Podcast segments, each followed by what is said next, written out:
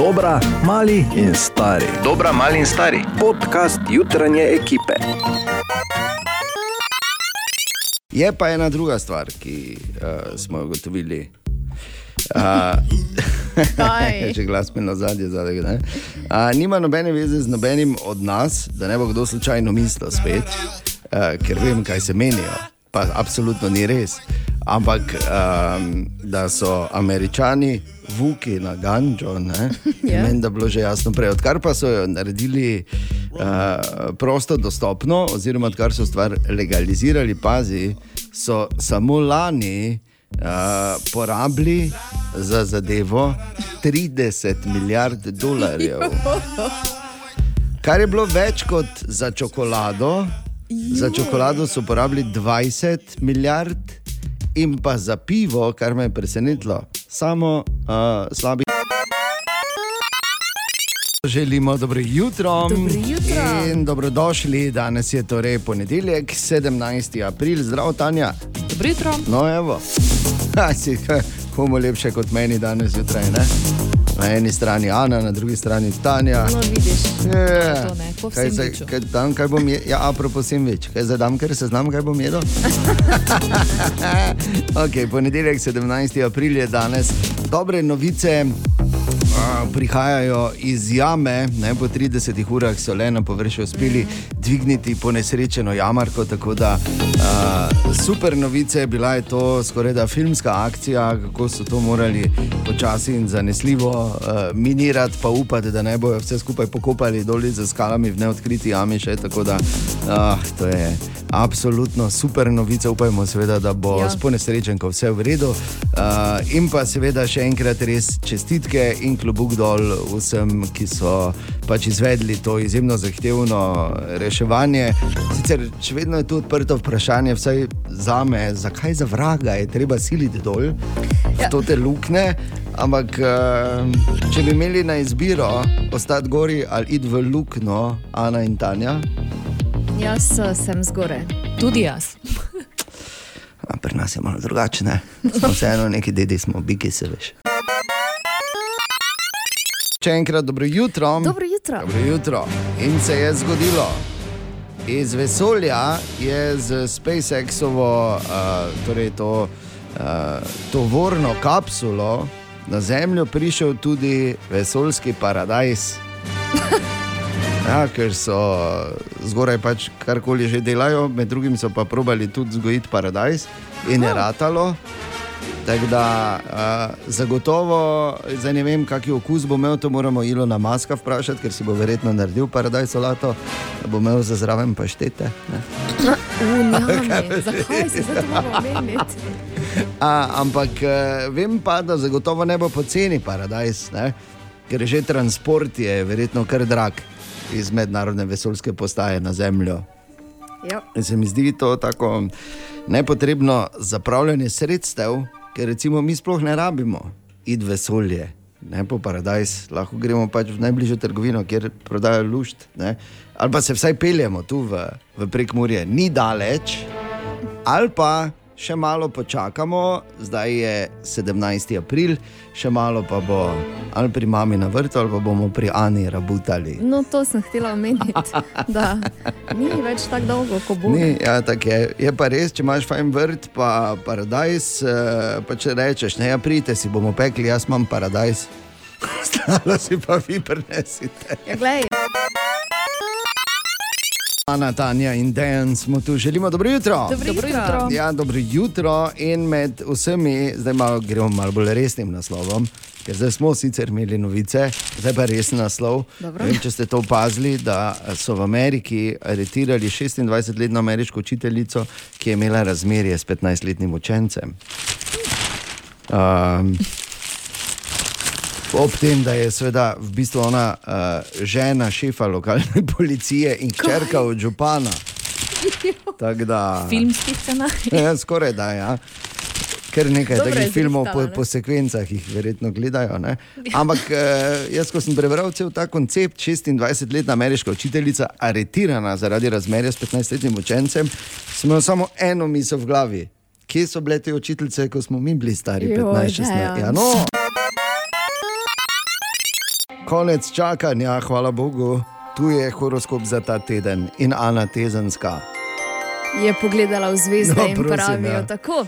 Oven, pred vami je teden poln priložnosti in pozitivne energije, razvijali boste poslovne instinkte in sprejemali preudarne strateške odločitve. Teden bo idealen za začetek novega projekta. Bik, v odlični formi boste in polni energije. Okrepila se bosta vaša odločnost in občutek odgovornosti. Sreča bo na vaši strani, kar pomeni, da, boste, eh, žele, da bodo želeni rezultati prišli prej. Izkoristite priložnost, da poskusite nekaj novega. Dvojčka, vaša ustvarjalnost in vaša sposobnost hitrega razmišljanja bosta poudarila rešitve, ki so vam na voljo, zato ne, se ne bojte tvegati.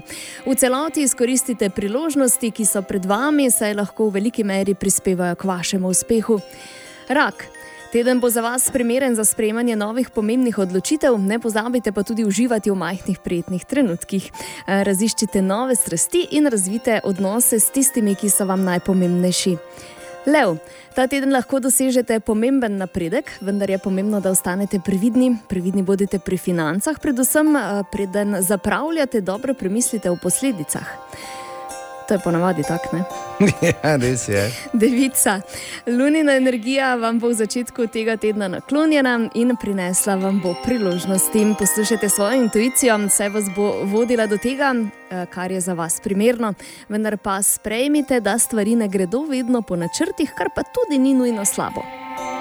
Tehnica. Čas je, da ukrepate in uresničite svoje načrte. Ni se vam treba prilagajati drugim, temveč se raje ukvarjate s stvarmi, ki vas osrečujejo in zadovoljujejo. Opazili boste, da bo vse, kar boste storili, vodilo k pozitivnemu rezultatu. Ali je sploh kadarkoli drugače pri nas tehnicah? Absolutno, da Smo tako popolni, da se tudi ne rabimo prilagajati. Zmeraj si osrečen. Ljudje se trumoma prilagajajo nam. Ok. Škorpion. Teden bo za vas izjemen za raziskovanje novih priložnosti. Ko boste na stvari začeli gledati drugače, boste odkrili nove možnosti, ki se vam odpirajo. Uporabite svojo intuicijo in se odločite, katere so najboljše možnosti. Strelec, za dosego cilje- ciljev sta bistvenega pomena zaupanje v svoje sposobnosti in pogum za prevzemanje tveganj. To je odličen čas za raziskovanje novih poti, krepitev vaše mreže ali celo nepričakovano potovanje. Samo ne danes ali pa jutri, ne? Zakaj ne? Je, ker je grajner na dopustu. Ja. Imam jasno vid delo, da za eno imamo polne roke drugih stvari, pa ti potuj. Okay. Kozorog. Ta teden se boste soočili s težkimi odločitvami in se spopadali s težavami, ki bi lahko bremenile vašo duše, vaše duševno zdravje. Pomembno je, da boste iz teh situacij potegnili najboljše.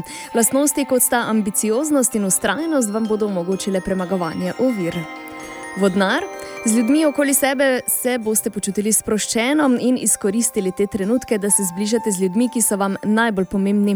Vaš ustvarjalni um bodo spodbudili pogovori, ki jih boste imeli, kar lahko privede do številnih inovativnih idej. Rezultat tega je lahko novo prijateljstvo ali partnerstvo. In pa ribe, čas je, da malo pomislite na sebe in si vzamete čas za svoje strasti. Ne bojte se raziskovati novih obzorij, ta teden bo primeren, da poskusite nekaj, česar še nikoli niste počeli. Ko stopite iz območja obdobja, vas čakajo koristne izkušnje. To si zdaj nagovarjala vse ribe, torej krapi, grunderi, smuči, orade, brancini. Tako, vse te. Ker drugače sta ribi, koliko jaz vem, ne? Ja, pa dobro. Pa no, pač pogovorno so ribe. Ribe so, ne. Okay, tako da, uh, krapi stopite iz območja udobja. To je bil horoskop za ta teden, hvala lepa, Ana. Z veseljem. Rešeno. Tanja, Ana in Dejan, želimo dobro jutro. Dobro jutro. Dobro jutro. Ja, pozdravljeni, ponedeljek 17. april. Zdaj ta zgodba je bolj kot neznana. Je luknja na cesti. O, Sodelavci.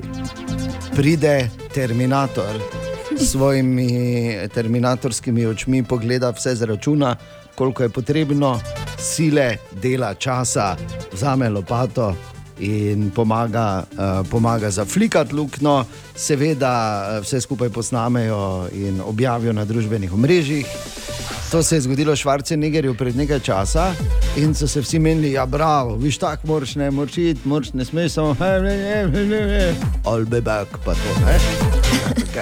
The on je šel in je luknjo za, kaj, zaasfaltiral. je Ja, luknjo. pa če pomagal. Ampak pol so pa vrti kasneje ugotovili, da bi morala luknja ostati odprta, ker so sanirali neko plinsko Ejo. napeljavo. Je šel zaplikati, ni luknj, tu ko snjas. Aj nauk te Napačno, zgodbe, ne? ja, nauk te zgodbe je, ne filaj napačnih luknj, če te poznajo. Še enkrat dobro jutro. Dobro jutro. Dobro Ponedeljek je in jaz sem bil v groznih skrbeh zadnji mesec, mesec pa pol, mogoče dva, ker se veš, ne, rekli so, zdaj pa pomagaj, naredi. Noben ni hotel priti nastopati. Zdaj pa je, ja no, me skrbelo me je za Karlija. Kako bo to izgledalo 7. maja, ne? Karli. Sem se menila, kaj je Karli bo? Ali boš sam, ali ti bo ta pubeca pela pa plesala. Pri Malo- 70-ih on več ni Karli, ne? Sveda je. Karči. To je vedno Karel. Karli. Jaz ne bom pozabil tiste kartice iz 80-ih. eh, Ki je bila, so imeli za eno promocijo Londona, ali je bil to neki štos, ne vem, ne spomnim se, ampak bilo je naslov je Having a Ball in gor slika Karlija v eh, športni opremi, kako se, kak ima roko za hlačami. ko si- Oh, ko si je šala. kraljevo jajco si je popravilo. Pa ne, so ga slikali. No, takrat, če ne, takrat, če ni bila kraljeva. Zdaj pa bo, torej, in ja, veliko, veliko dogodkov bo. Uh, tako da, če greš v začetku maja, tja bo vse živo. In uh, zdaj, ko se menimo o glasbenikih, zdaj se torej ve, da bodo nastopili Take That. In sicer, verjetno ne vsi, ampak Gary Barlow, Ho, uh, Howard Donald in Mark Owen zagotovo, morda se pridružita tudi Robbie Williams in Jason Orange, tako da bo to kot včasih v 90-ih. Smo še mladi bili, eni ste pa bili komaj rojeni. Ne? Pol bo Lionel Richie.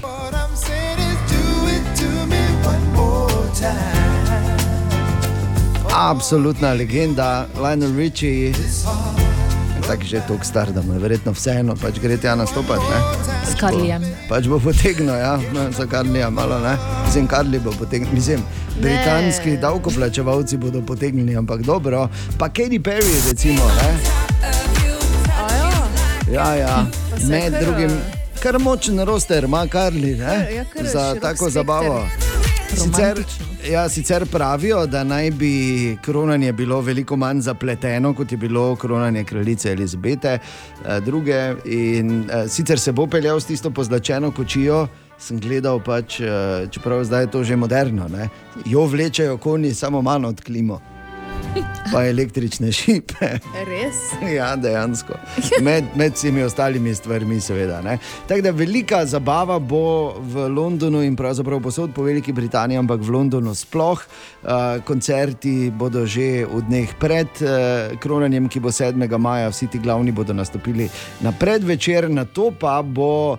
Uh, tako, imenovani, tako imenovana velika kraljeva gostija, ne, kjer naj bi vsi dobili za jesti, kot je običajno.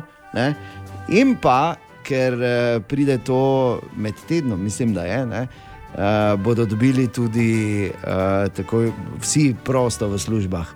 V, se pravi, Londonu in okoli ne bo rabo nobenic službo, vsi bodo se 7. lahko maja? veselili. Ja. Šesti, Ja. sedmi in osmi, menda. ne? Tako, ja, tri dni bo, ampak sedmega je kronanje. Sobota, nedelja, ponedeljek. No, Ponedeljek ponedeljek. državni praznik. Tako, hvala lepa, viš, zato pa imam vajo, da sta bolj natančni. Mi dva s Karlijem, pa se veš, ne imamo druge. Bo tam imela pa to muziko, delajo. ne? da ima muziko. Tako da bo zanimivo, zagotovo. In uh, koliko krat pa imaš priložnost iti gledati kronanje. Ne, tako da, če greš v London, jaz predlagam ta vikend, 6, 7, 8 maj. 12 minut čez 7 je, dobro jutro. Dobro jutro. Je pa res, da moramo pozorno spremljati, kako bo to potekalo, da bomo imeli mi pripravljeno, ko zavzamemo občino. Ne? In želimo dobro jutro. Dobro jutro. Dobro jutro, ja, Tanja, Ana in Dejan smo tukaj danes zjutraj in med zanimivimi naslovi tudi ta, da so cene prašičev pri pridelovalcih poprečju precej više kot pred enim letom. Um, zdaj, ko sem prebral to, je bila prva misel, da je več kot očitno, da ima veliki dirigent zgoraj res uh, smisel za ironijo, ker je sorodna novica, da so tudi poslancem dvignili plače. Ne? O, Tine! Tine, dobro jutro, Dobro jutro. O. Danes je nekako zboka. Glej zboka je. Ja.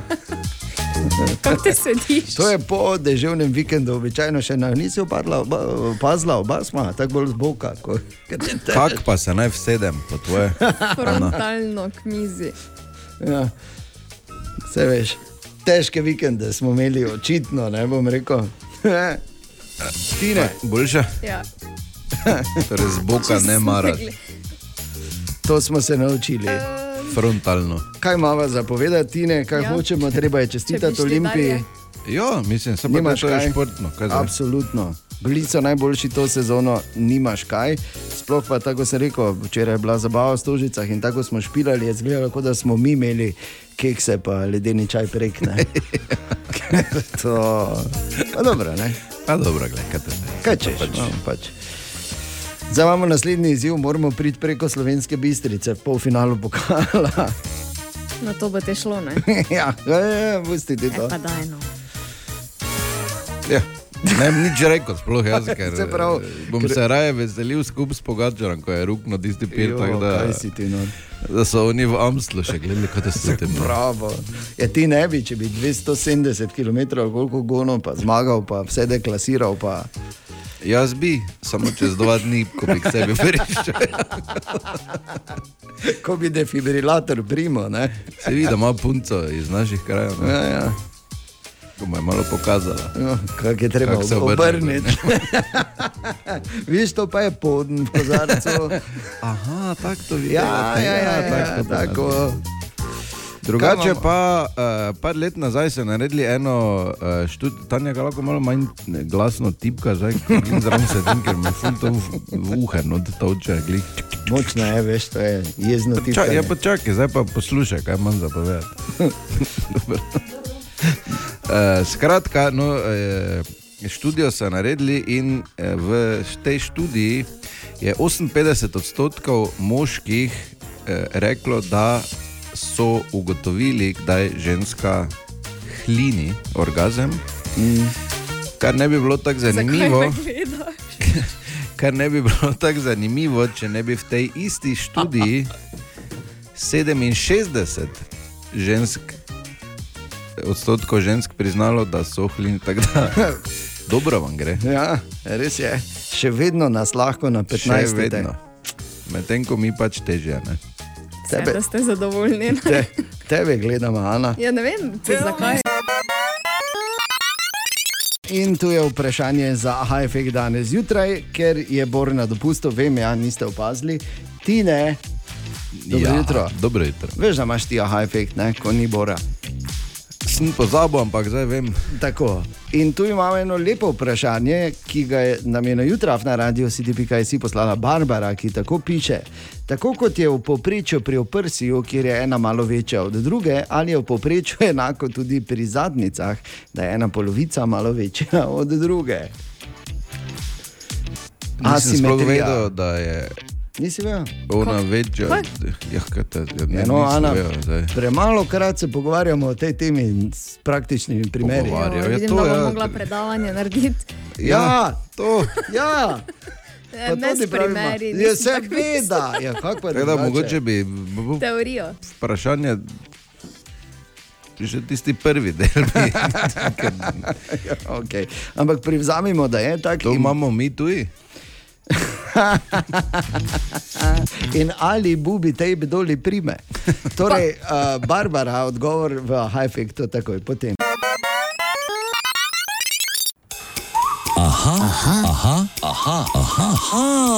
Aha, efekt. Torej, v Hajfektu danes Tine odgovarja na vprašanje Barbare, ki jo zanima, tako kot je v poprečju pri oprsju, kjer je ena malo večja od druge, ali je enako pri zadnjicah.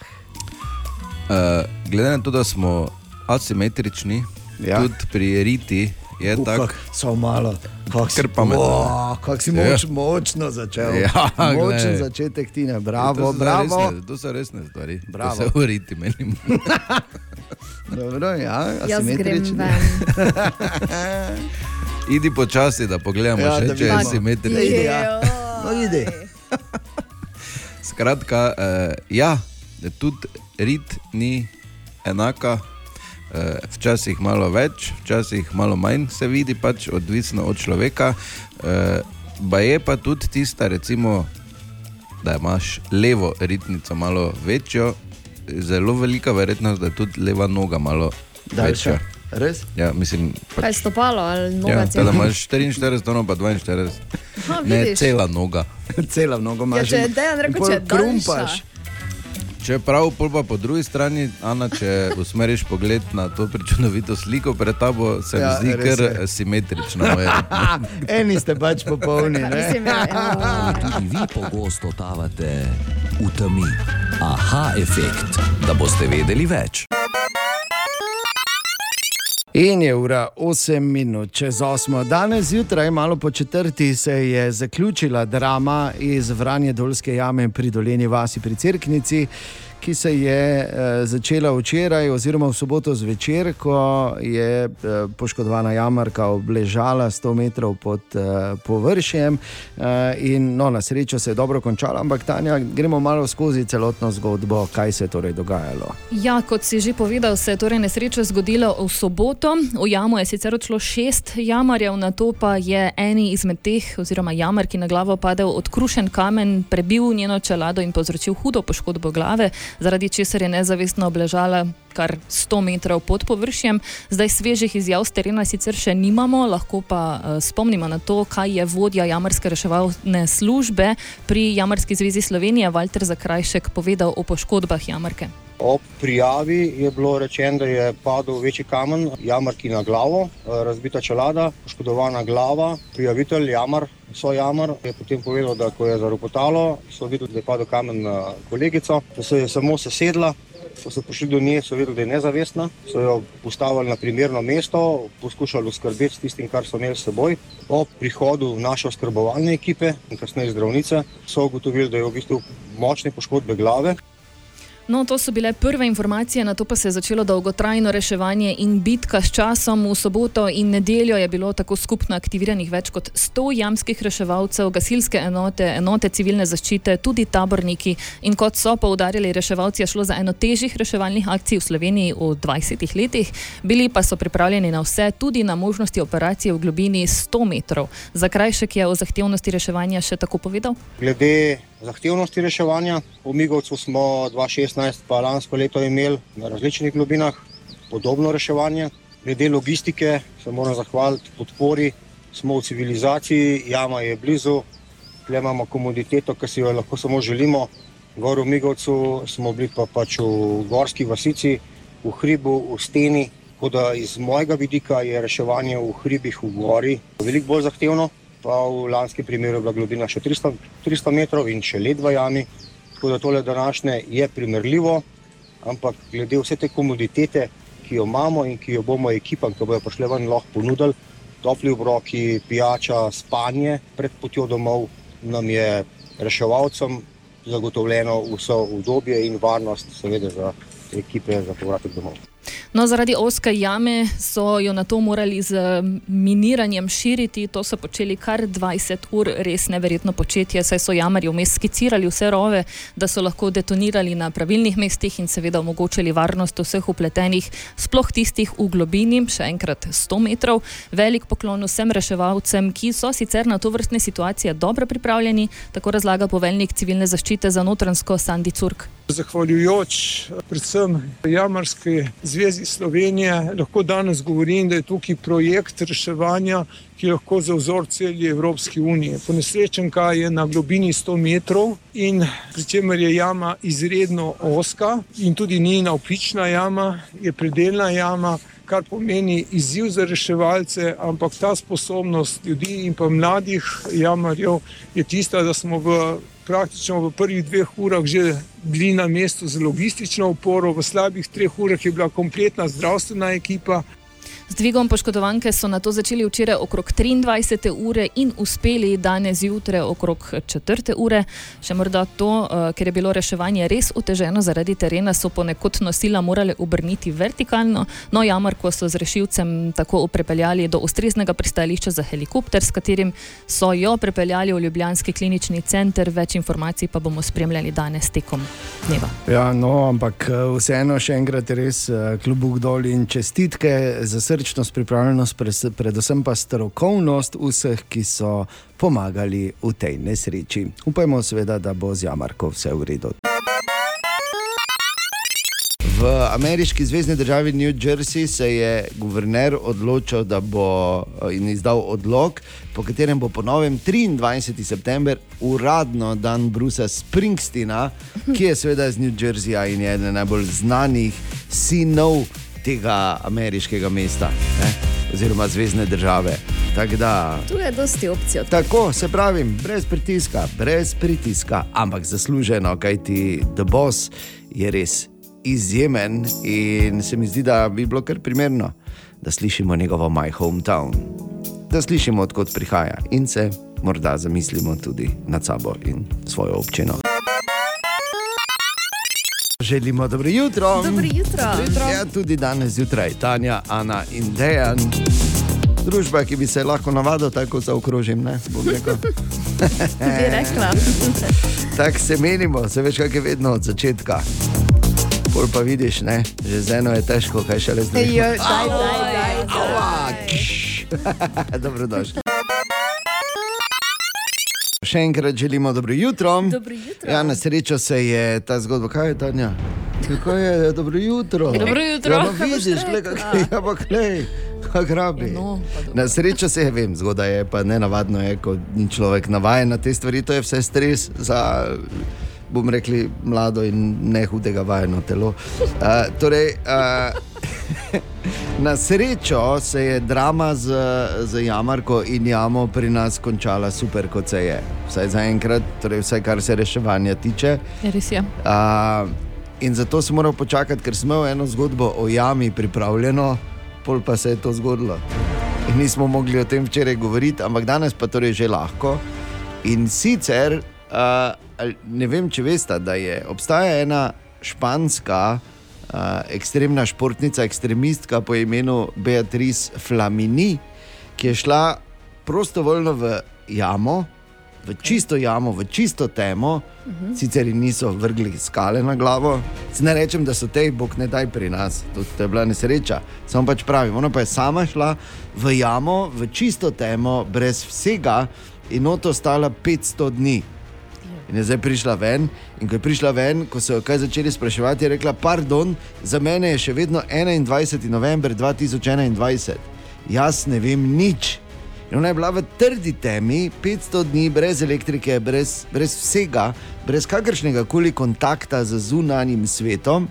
Uh, ni imela elektrike, nič ni vedela, o ničemer ni vedela za ukrajinsko krizo, ni vedela, kaj je zdaj s to korono, kaj je, ni vedela, da je varuh rabljenih tenis žogic, recimo, bil spet izvoljen. Nič ni vedela.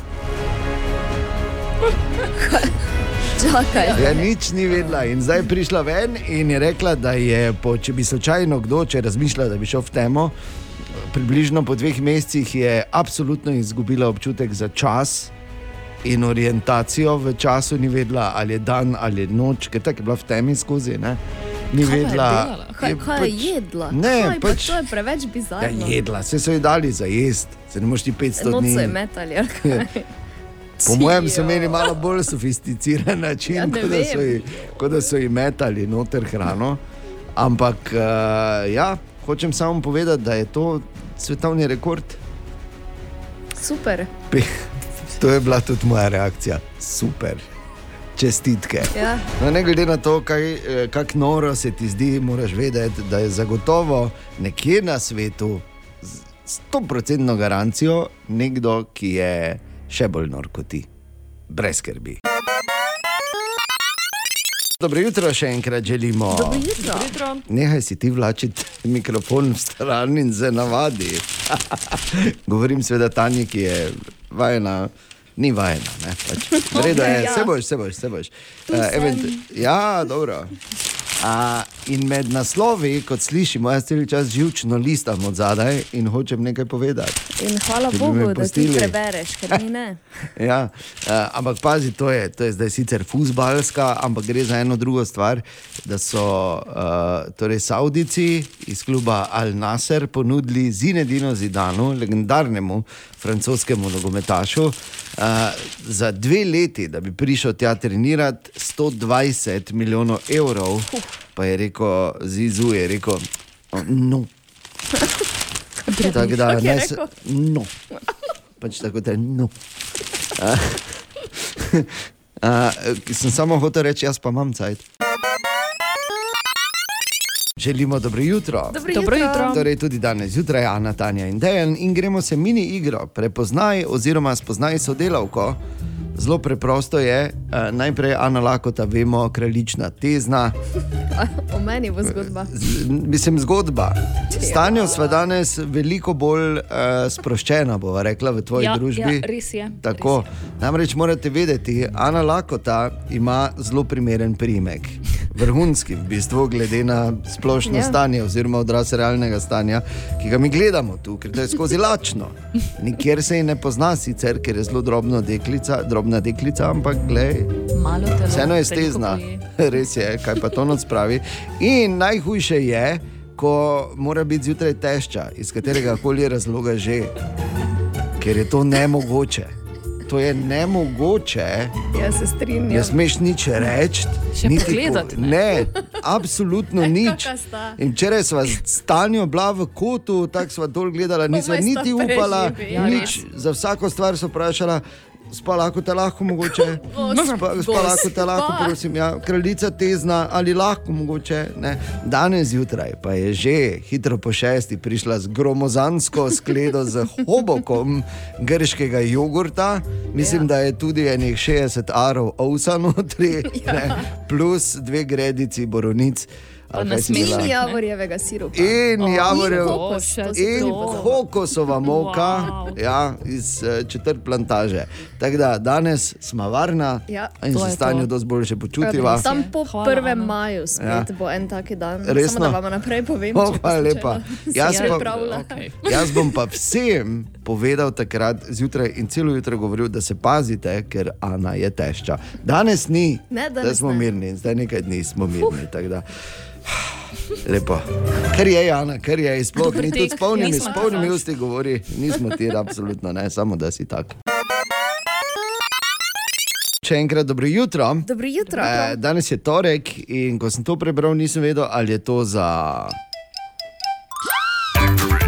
Za tak ali za. Ne. Ali za tak. Ne veste, o čem govorim, sploh ne, se ne mogoče čakati. Ja. Okay, gremo, gremo, gremo raje s tem, ker je bolj pozitivno. V Koreji je vlada odobrila v Južni Koreji uh, štipendije v višini 500 evrov za, bomo rekli, takole uh, introvertirane mlade Korejce, ki so okay. samo doma in sploh ne grejo ven in uh, nimajo nobenih pravih socialnih kontaktov, razen digitalnih, in bi jih radi spravili ven, radi bi, verjetno, je zadaj, če me vprašaš, eh, problem z razplodom, ampak. Pač moraš gledati naprej, Gled, če si vlada, moraš ja. gledati naprej. Ne, ne moreš zdaj ti gledati samo tu, ne pa zdaj neposrednega. Ja, in zdaj bojo dajali, pazi, za to, da bodo začeli ven hoditi, dejansko ven, ven, na sprehod samo ne, in tako dalje, bojo dobili štipendijo v višini 500 evrov. Joj. Dobro, ne? Ja, in kaj oni bodo zdaj preverjali, ali je on res šel ven? Ja, ne vem, 500 če bo. evrov? Verjetno, ver, ja, verjetno bojo imeli, ja, take veš, in boš imel digitalno in se boš moral tam obtačati, ne, in pol boš šel v, uh, ne vem, v trgovino, ne boš digitalno naročal, aha, ok, upravičil štipendijo, pol boš moral iti, ne vem, položnice plačati, ne več digitalno, ti pa boš upravičil štipendijo, pol boš šel v javno hišo, ne, pa, pardon. Pač naštev, ne vem, kaj zgledam kot korejc jaz, Ja. samo pač razlagam. Po velikosti. Ne. Mislim, da se je karijera, se je karijera končala, gledaj, se hitro konča, lahko karijera neke novinarke. Pa ste to slišala? Ana, Tanja in Dejan, želimo dobro jutro. Dobro jutro. Ja, dobro jutro torej od naše male mormonske skupnosti. O, ti mali Ja, lahko imaš več žen, ne se veš, tako se pač počutim, da trenutek ni mi lahko, ne si želeti. Uh, ena druga stvar, veš, ko smo se, uh, ko smo se prešli uh, tisto igro Spoznaj sodelovko. Ja, Čakaj, samo malo, Ne. zdaj, da najdem. Ja, ja, ja. Ja, na in ja, in ja, seveda je. Seveda je Tanja na vrsti zdaj. Ne? Tanja Klajnščak, naj samo povem. Seveda je že zaključila kariero, prej za šalo v Korejcih, ne, da se nas isti ne veli. kaj imaš skupnega Niti s ne, ne mi morem niti povedati. Ja, ja.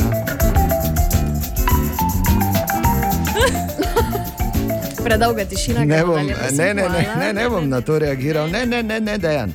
Torej, poslušaj, Tanja Klajnščak, naša novinarka, kmalu bo dahnila da. In ne bo več Klajnščak, in jaz mislim, da bi bilo idealno, Tanja, glede na to, da se jutri Bor vrača, da bi jaz uh, danes zjutraj malo vadil, v bistvu. ne. Tako da čakaj, zdaj bom tako malo povadil. Radio City, novice iz Maribora, Slovenije in sveta. V novinarski redakciji Tanja Pankiher. Pa kaj si, ha? Gre ti? Kaj gre? Ja. To mogo danes govoriti, ker moram se navaditi. Okay. Lepo, ne? Dobro. Če idemo dobro jutro. Dobro jutro. Dobro jutro. Dobro jutro. Torej, 25 let bo imel zdaj počasi, oziroma že ima Netflix. Že. 25 let. Ampak se vemo, Netflix ni začel kot streaming servis, ampak oni so najprej bili v bistvu online videoteka oziroma DVD-teka, kako je to izgledalo, ti si naročil prek spleta in pol so ti oni DVD dali v tako. Uh, uh, kartonasto, uh -huh. uh, mate, ne papico.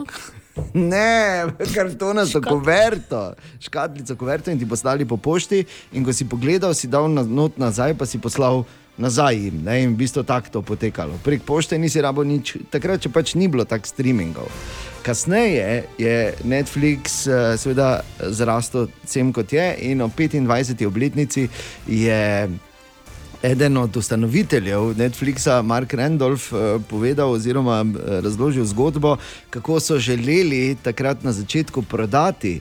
V bistvu Netflix, blockbusterju, ki je bil prevladujoča veriga v Združenih državah Amerike, teh videotek, blockbusterju, in ko so jim povedali, kako imajo ta biznis model, in to jim ga hoteli prodati za 50 milijonov, Netflix takrat uh, so se jim oni režali v bistvu in so jo vrgli iz pisarne. Zdaj je Netflix vreden več kot 150 milijard, blockbuster pa je kje? Niga. Ne. V kakem filmu mogoče, ne? ko uh, Captain Marvel dol pade, recimo direkt blockbuster, ampak se dogaja v preteklosti. Da, uh, Netflix, mimo grede, najljubši šov vajen, oziroma serija, uh, originalna serija na Netflixu, Netflixova Ana. Good girls. Uh, good girls. Nisem ja. pričakoval nič manj. To mi je Tine priporočal. Ti je, ne? Ja. On ve. Lep pozdrav Rio tu, če je kdo gleda. Jaz ne, tako da težko sodelujem. Tanja, Ne, nimaš slaba najljubših? sem tu. Slaba Mhm. si. Ne, tu si kar ok, no, ampak Dobro. na radiju, ampak kar se Netflixa ti. Ker se- Okay, Ja. Ne, kaj pa tvoja? Ja, moja definitivno Stranger Things, trenutno še vedno uh, Queen's Gambit tudi, zelo blizu, ampak uh, mislim, da Stranger Things je, je ta trenutek v Netflixovi produkciji, meni pač, oziroma pač na Netflixu ekskluzivna in mi zelo všeč. To najstniki, pa jsi gledal. Vem, ja, se, mi najstniki gledamo najstniške stvari, kaj pa Ja, je narobe s tem? je pa normalno. Kaj je, mama, ne bom, ne bom pospravil sobe. Ha? Želimo dobro jutro. Dobro jutro. Dobro jutro. Ej, včeraj je spet bila ena komedija v našem državnem zboru. Morda ste zasledili, bila je debata o vodi in tistem vodovodu tam, oziroma cevovodu, ali kaj že delajo eh, v Ljubljani. In, eh, In pride eh, poslanec Nove Slovenije, Aleksandr Reberšek, in da pred premijer Roberta Goloba tak vrč vode, ne, da podkrepi svoj, eh, svoj viteški nastop, ki ga je uprizoril v državnem zboru, na kar mu predsednica državnega zbora, Klakokar Zu- Klak- Klak- Klako kaj? Pardon, Klakočar Zupančičeva, reče. Gospod Rebršek, a se lahko prosim lepo obnašate malo manj populistično in nastopate z argumenti? Lepo prosim. Tako, na kar Aleksandr Reberšek, ki je imel ne, uh, meč in ščit v roki in je jezdil lepši prihodnosti nasproti, vrne s proti udarcem. Populizem je to, kar se greste vi, posvajate neke šimpanze, opice tam po Afriki, skačete. To je populizem. Ja. Bi čestitev za nivo deba, eh, debate, res, eh, Klakočar Supančičeva je sicer potem želela nekako rešiti z enim univerzalnim odgovorom na vse probleme. Prosim, če lahko tole zrihtate, se tehnika to zna. Ne?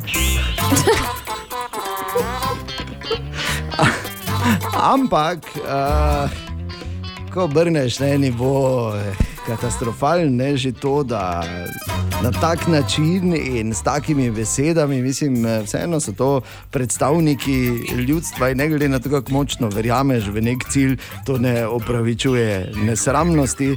Sem imel občutek, ko sem tako gledal, da oba potrebujeta točno to, o čemer poje Manifiko v tem hitu. 24 stavžen poljubov. Po celem, po celem. O, Tine! Ja, dobro jutro, Tine, zdravo. Dobro jutro. Servus. Čist druga je Ana danes zjutraj, ker je. Včeraj je bila težka, včeraj smo bili v življenjski nevarnosti, o tem smo danes zjutraj že govorili. Skoraj sem pojedla enega. Tako se menijo. Torej, Vse ne kaj boljše. ja, se res, ali, ali je na happy milo, ne? ali pa je brez mila. Pa je sploh. brez. Oj, oj. Torej, Tine, kak si? Štima vse? Noro.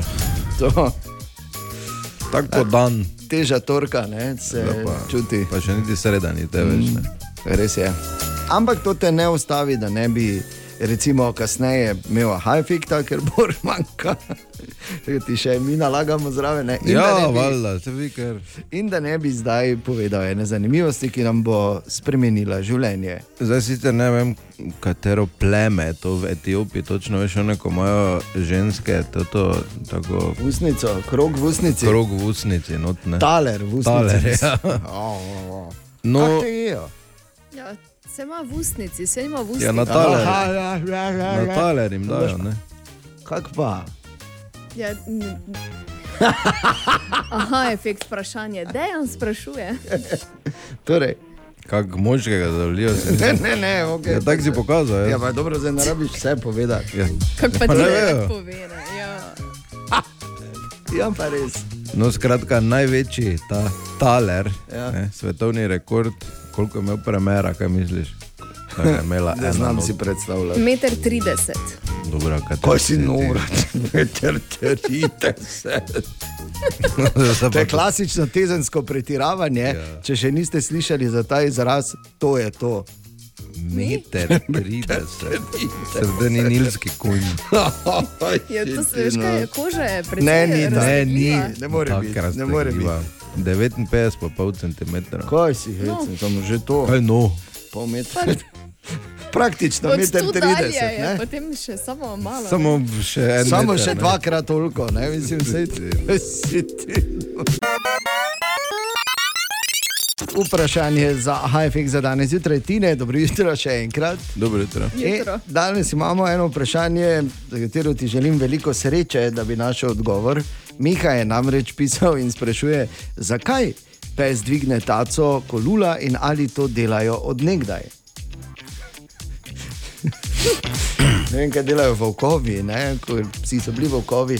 Izhaja pa to verjetno iz tistega starega vica, veš, zakaj pes digne taco, da si polca drve, da mu ne padejo gor. Ne? Mislim, pravi, nisem rekel, da je dober vic, rekel sem, da je stari vic. Ene stare vice govoril. Ne. Tako je. In Miha, odgovor na vprašanje dobiš v Hajfektu, takoj potem.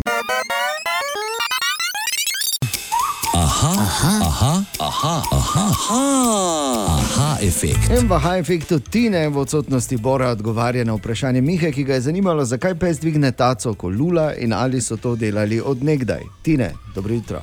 Dobro jutro. Torej, eh, to se seveda zgodi nagonsko, ne, to ga ne moreš naučiti. Spet tako pametno si začel, Ja, pardon, leko imaš te Eh, drugače izraze. pa si predstavljajte, Moj enak ti, veš. pes, kako ga Ja. ima, ne, si predstavljamo. In Okej. v bistvu bi si sprednje tace pohcal, če ne bi dvignil. Ne. Ker ko dvigne, se vse. dvigne? Ko spre... Ja, gre mimo, ne? Ja, ko se dvigne, se vse malo premakne. A ja, Ko pa se počepne, pa to Po diagonali. naprej aha. rukne. naprej rukne. Lahko tudi kerega naprej. Ne, če, Kar je najhujše v pasjem svetu, ne? da, da si kerega naprej da si ga postavil, naprej postavil, da je slabo. Beži bejko do tega, ker naprej ne. Ja. Tako da to, če odnegdaj, ja, Zakaj zdaj si imel? Tako so v eh, teh eh, jamah Ja. na teh slikah najdli pesa, ko me ta cugori. Daj nehaj. Tako Ja, da ne vem, sem si izmislil. Od nekdaj že. A ja. Brati, ne. Ali tudi vi pogosto totavate v temi? Aha efekt, da boste vedeli več. Še enkrat želimo dobro jutro. Dobro jutro. Ja, danes je torek, 18. april, da je čas za malo bolj resno temo. Namreč, ko govorimo o ksenofobnih eh, izpadih, napadih in primerih, tu naše mesto ni nobena izjema. In ena od teh zgodb je zgodba transmagistrske študentke angliščine in pedagogike. Tomaš Nikič je raziskal to zgodbo. Dve osebi, znani predvsem po tem, da širita dezinformacije, od teorij zarote pa do tega, da je Zemlja ravna. Ti dve osebi naj sploh ne bi imeli otrok na tej šoli, a sta kljub temu orkestrirali napad na bodočo transučiteljico Lucien Beatrice Krstovo. Huiskala sta svoje sledilce, naj ogorčeno pišejo v šoli ter njej sami. Lucien je zaradi tega dobila grozilna pisma, boji pa se celo za življenje. Kar se je zdaj zgodilo, se mi zdi pa čista gonja, lov na čarovnice, javno linčanje. Podatki, ki se širijo o meni, so dezinformacije, so laži, izmišljeni podatki. To, da jaz paradiram na šoli v Kikli z brado in brki, kar so nekateri pač zapisali, ni res. Tako da me skrbi za moje življenje, saj ne veš, kdo te prepozna, kdo te vidi, kdo ima mogoče slabe namene eh, do mene. Kljub vsemu, kar je bilo rečeno na socialnih omrežjih, so jo otroci ter učitelji šole sprejeli pozitivno. Na praksi sem prav tako dobila poziv eh, učencev in učiteljev, torej pri katerih ne opravljam prakse, da bi me želeli spoznati, saj jih ta tematika precej uh, zanima. Celo se mi je zgodilo, da ko sem imela prvič to v petek, so štiri učenke prišle do mene in so se mi vse štiri izjokale, ker očitno doživljajo same podobne diskriminacije ali doma ali strani njihovih sovrstnikov, družbe torej. Lucien pravi, da se ne bo pustila in ne bo obupala. Želi biti učiteljica, da bo lahko zaščitila otroke manjšin, ki so bodi si zaradi spolnosti ali drugačnosti izpostavljeni. Dodala pa je še to sporočila. Hočem povedati tem mladim, ki so drugačni, naj jih ne skrbi, da obstajajo skupnosti, obstajajo ljudje, ki jih bodo sprejeli, bodo našli srcem, rečem, svoje pleme, torej svoj krok ljudi, ki jih bodo sprejeli, imeli radi, jim dali to toplino in varnost primarno, ki jo vsak od nas želi in nujno potrebuje. Pomembno je torej, da smo odprti, brez predsotkov do drugačnih. Se konec koncev je vsak od nas le človek. Ja, in to je en ta klasičen primer tega, tega začaranega kroga. Kaj ti, ko nekdo nekaj ne razume, je pač narava človeka taka, da je prvi odziv ta. Da uh, nas je tega strah. Strah vemo, da je močno čustvo, žal se mnogi ne, uči, ne naučijo obladova, obladovati močnih čustev, ampak jih je sram pred drugimi, da jih je strah, zato ga zakrijejo z agresijo. V vsakem primeru se mi zdi absolutno. Absolutno neprimerno, sploh v letu 2023, na tak način ravnati, govoriti in se dokazovati pred, pred kom. V vsakem primeru uh, bi bilo bolj pametno, da se uh, eni, ki ne zmorejo razumeti, se ne rabite, ne? ampak pač probajte pač vsaj se za sebe brigati in ne škoditi drugim. Pa bo vsem vsaj malo lepše. Ana, Tanja in Dejan, želimo dobro jutro. Dobro jutro. Ja, dobro jutro in čas je za. Intervju znotraj ekipe. Tako, intervju znotraj ekipe. Dragi Dejan, pozdravljen Dejan. Imaš kakšno vprašanje? Seveda imam, Dejan. Zate imam eno vprašanje. Povej, Dejan. Dejan, poslušaj. Katero od eh, sodelavk bi ti vzel v svojo ekipo pri pantomimi? Dejan, hvala za vprašanje. Naj ti odgovorim. Ane lahko ta nikoli. Pa kaj si ti? Veš, kako pa dobro kažem? Ta moj, ja, fulja, na tezno, mogoče. Naj samo povem. Idealno sem ti srno pokazala, vmes. Je dobro, da za tri je ekrani vmes med mano in tabo, ker ne vem. Pa da Ne imaš slušalke Ne bi preživela novic, naj samo povem, da med novicami mi je Ana na vsak način hotela pokazati, da imamo obvestilo, hvala lepa, mimo grede za uh, srno, niti ni srna, ker je srnjak v Ja, bistvu. ne. Na cesti in mi je hotela pokazati srno. Pa Bilo je vse, jaz sem razumel vse od zajca uh, do. Um, Ne vem, do, Hibridnega do, psa z ušesi. Ne, da, do, do psa, ker- psa, ki gleda nekoga, ki onanira, do mislim, da temeljev za nuklearno elektrarno. Vse se razumel, samo srna. Ne? Tak Da, ampak, Ampak pokažeš srno, drugače ko pač. ja, tako je, ja, vredo. No, saj, naj samo povem, da pač ne bi te vzel v ekipo, to je, to, to je bilo vprašanje, to je odgovor. Hvala lepa. Še enkrat želimo dobro jutro. Dobro jutro. Dobro jutro. In naj povem, da je predsednica državnega zbora povedala včeraj, verjetno ne hote, ampak uh, univerzalno rešitev za vse probleme, oziroma tako kot pač veš, ne, predstavljaj si, prideš in povej, kaj je recimo ena stvar, ko vama ne dela, ali pa eh, ko bi se pritožili, da pač nekaj ni v redu, ali na, nad kom, ali nad čem. Naprimer, Pralni stroj. Ja, reči, pralni stroj mi ne dela. Pralni stroj mi ne dela. Klakočarjeva. Prosim, če lahko tole zrihtate, sej tehnika to zna. Tako. Res, vidiš, kako paše. Tako, Ana. Na živce mi gre, ko se Aleksa ne odziva. Prosim, če lahko tole zrihtate, sej tehnika to zna. Tako.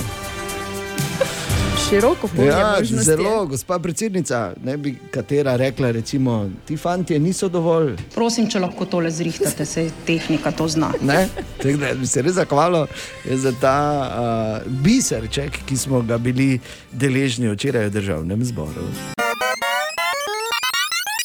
Želimo dobro jutro. Dobro jutro. Dobro jutro. Torej, situacija zunaj od 8 do 10 stopinj, oblačno je, danes bo oblačno tudi čez dan in do 15 stopinj. Kaj pa če gre kdo kam danes, Ana? Ni posebnosti. Res? Mislim, ja, res. Ja, super. Tako da varno pot, kamorkoli že, super bi bilo, če bi tako stalo, samo je mala verjetnost, ne, ker se bo začelo nabirati. Pozitivne afirmacije, da Ja, tako ostalo je. tako. Pazimo na cesti. V vsakem primeru. Dobro, pa tudi svetlo je že zunaj malo, ne? čeprav sonce vzide danes 5 minut čez šesto, pa se že malo kaže. Ne? To je veš tako, slutiš, ta slutnja po odličnem, da pride. Zadaj, ne? Efekt, ki ga Zadaj poznate, gor. ne? ki ga poznate zjutraj. Če, ga poznamo, mi ko bora čakamo vsako jutro. Drugače pa, uh, kaj se takega danes dogaja, oziroma kaj je informacija za zgodaj zjutraj. Uh, ena zanimiva statistika iz Sursa: vsaka sedma delovno aktivna oseba je tuji državljan v Sloveniji.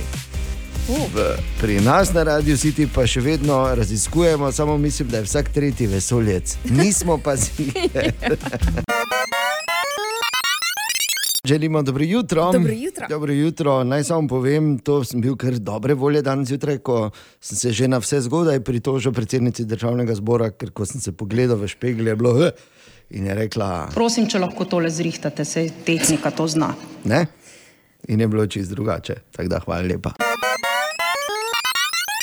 Želimo dobro jutro. Dobro jutro. Ja, in kot smo slišali tudi v novicah, je začela veljati novela zakona o davčnem potrjevanju računov, kar seveda pomeni, da potem, ko smo imeli obdobje, ko sploh nisi rabo eh, se obadati za računi, moraš zdaj spet imeti račun, ko greš ven, odkudarkoli že. No, odkudarkoli. Zdaj, No, daj. Če si šel v trgovino zvečer, se veš. Uh, ne, ampak. Okay, Ja. pa, pač, ja. Samo ti lahko razni, če pač imajo dilerji davčne blagajne. Ne? Ampak. Okay. Slaba šala. Torej, eh, res moraš imeti račun, zdaj bo spet eh, prišel tisti čas, veš, ko boš šel ven iz trgovine, pa boš gledal, ki so, če gledajo, če imaš. Se ga ne vidiš, če je maskirni. Ali pa v grmu. Ne? V vsakem primeru, pač, eh, da ne bo slučajno kakih zapletov, ker so napovedane neke globe in zakaj bi brez veze dali denar za en. Pač vzameš tisti papir, pa, pa srečno. Želimo dobro jutro. Dobro jutro. Dobro jutro. In ponovno se poroča, tudi Ana mi je poročala danes zgodaj zjutraj že v studiu, o novi uh, Instagramovi potegavščini, mm -hmm. kjer uh, je delijo za stoj nove iPhone Seveda. 14. In zdaj moram najprej seveda vprašati, ali si se bor ti. Potem, ko so ti heknili Instagram iz uh, promotorja kriptovalut, spremenil v Apple Handlerja. E, Torej, kripto je out, E, kar se po telefonu tiče, e, imam 14, 15, pa 27. Ja, pa na trgu Okej. prodajaš. Ne? Naj samo povem, da prosim, prosim, ne nasedati, ne moreš dobiti nič za to, in sploh pa ne novega iPhona, ne moreš dobiti, to je goljufija. In eh, še zdaj mi ni jasno, kako lahko. Bi verjel, da bi recimo nekdo uh, padel na to, da nekaj, kar je vredno ne vem, 30 evrov. Ne? Si Misliš, okay, to je še nekaj realno, da ti da kdo lahko. Ne? Ja. Ne pa telefon vreden Jurija, pa pol, ni šanse, ne klikaj, ne odpiraj, Sej- prosim, ne odgovarjaj, nič. Ja, že grafika je taka, da bi vsaj enega grafičnega oblikovalca lahko najeli, da bi mogoče kaj Ja, samo se dosegli, veš, ampak Na hitro, ne? E, ker kao to, si, to ja. komunicira to, da glej, hitro smo naredili, ker hočemo čim prej ven dati, nismo se obadali zdaj z nekimi natančnimi, ne? Aj, z aj, nekim ja. vložkom. Je tako, Bor? Ja, nekako tako sem nasedel tudi. Ne? Ja. Ja. Samo v mojo obrambo jaz sem nasedel, ker je bilo tam, ali mi lahko pomagaš, a to pa lahko. Ja, Seveda. dobro. Ali mi lahko pomagaš, pa v nadaljevanju pa ti dam 4 ure. ne? torej, prosim, ne nasedati na te finte, ker so res samo finte. Je pa ena druga stvar, kjer pa absolutno ne moreš nasesti, in to je, če si članica ali član vijoličnega kluba. Ker nimaš nobenih obveznosti in lahko se ti kadarkoli zgodi, da te pokličemo, recimo, in ti damo dve karti za tekmo z domžalami, recimo, ki bo to soboto zvečer v Ljudskem vrtu. Ampak moraš se včlaniti na radio city.si.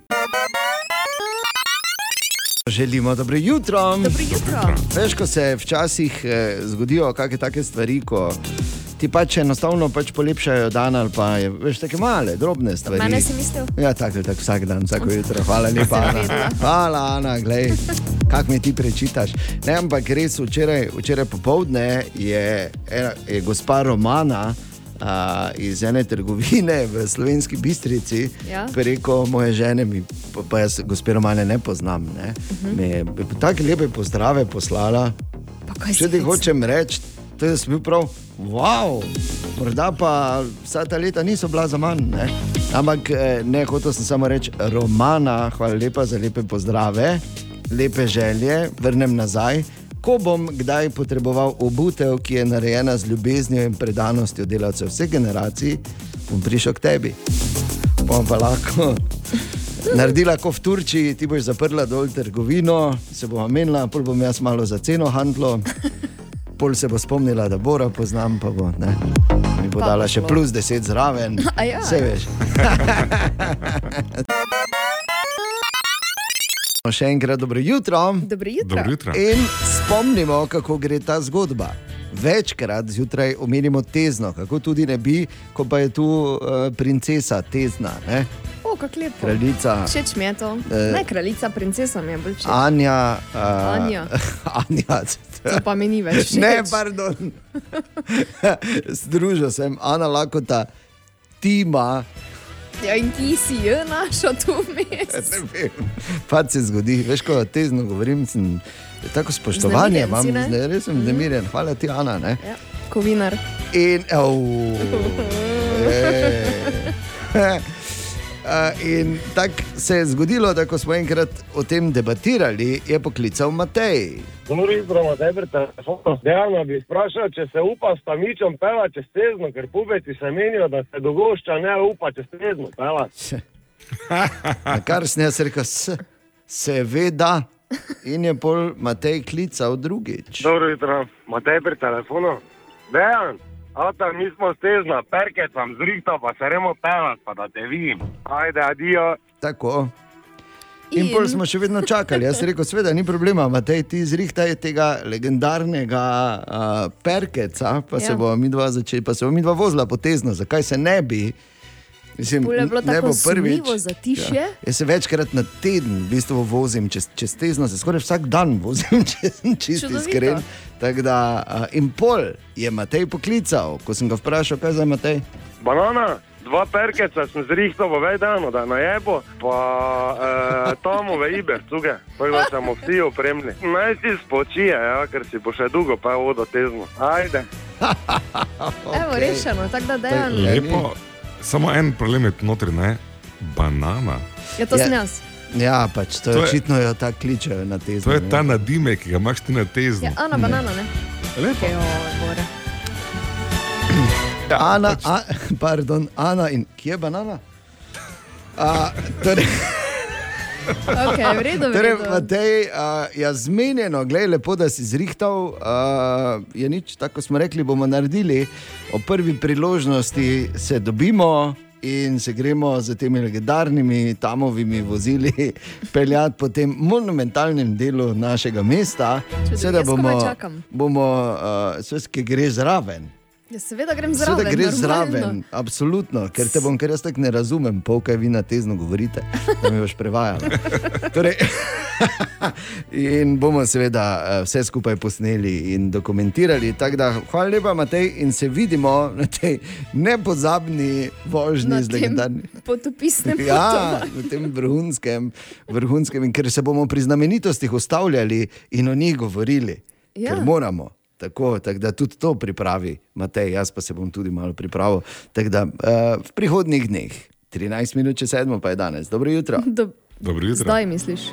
Je Ne 13 danes. minut čez sedmo je danes, tisto pa bo v prihodnih dneh, A, oh, da boš to tem stezna psa razlagal. Ana Borin, da je želimo dobro jutro. Dobro jutro. Ja, kljub temu, Bor, da si zdaj zadnji dni, ko te ni bilo, uh, intenzivno delal na tem s svojim prijateljem Ilonom, da bi poslala gor največjo raketo doslej v zgodovini, ni šlo. Ne? Ne, Sta predstavlja. Veš, kak je, malo se predstavlja, včasih se pač zalomi, kot recimo v primeru avtonomne vožnje, ne en vozil, tudi tu je šlo za kakih par desetletij na razen zgledane. Ja, tudi pri uh, razvoju aplikativne, uh, aplikativnega kognitivnega računalništva sta malo zaostala. Ne? Ja. Malo stare. nakup Twitterja je bolj tak. Ne? Mimo grede na kup Twitterja, uh, ali veste to, da ima Elon dejansko psa po imenu uh, Floki. In da eh, jo oblači, Šiba Inu je in jo oblači v. Ja, in jo oblači v Puli in pravi, da je ona v bistvu pravi CEO Twitterja. Te veš, kakšni butli so tam zunaj. O, Tine! Ja, Tine, dobro jutro. Ja, dobro jutro. Dobro jutro. Dobro jutro. Hristos vas krse, ali kak je? Kristus vas krse. Ja, ne. Tak, ja. Ni tako? Ja.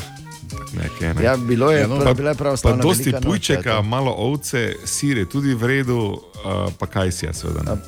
Kaj si prinesel od tega? Poročilo doli. Ja, vse imam, ne. Samo kaj? Samo nič nimaš. Samo ne? nič ne vidim. jaz tu. Moje telo je lačno. To, kar si v sebi prinesel, ne šteje. Si si še zadnji moment tlačen odveš. Gremo v avto, smo jaz samo Samo malo, kaj si je še. Lepo, lepo. Tine, kaj imamo danes?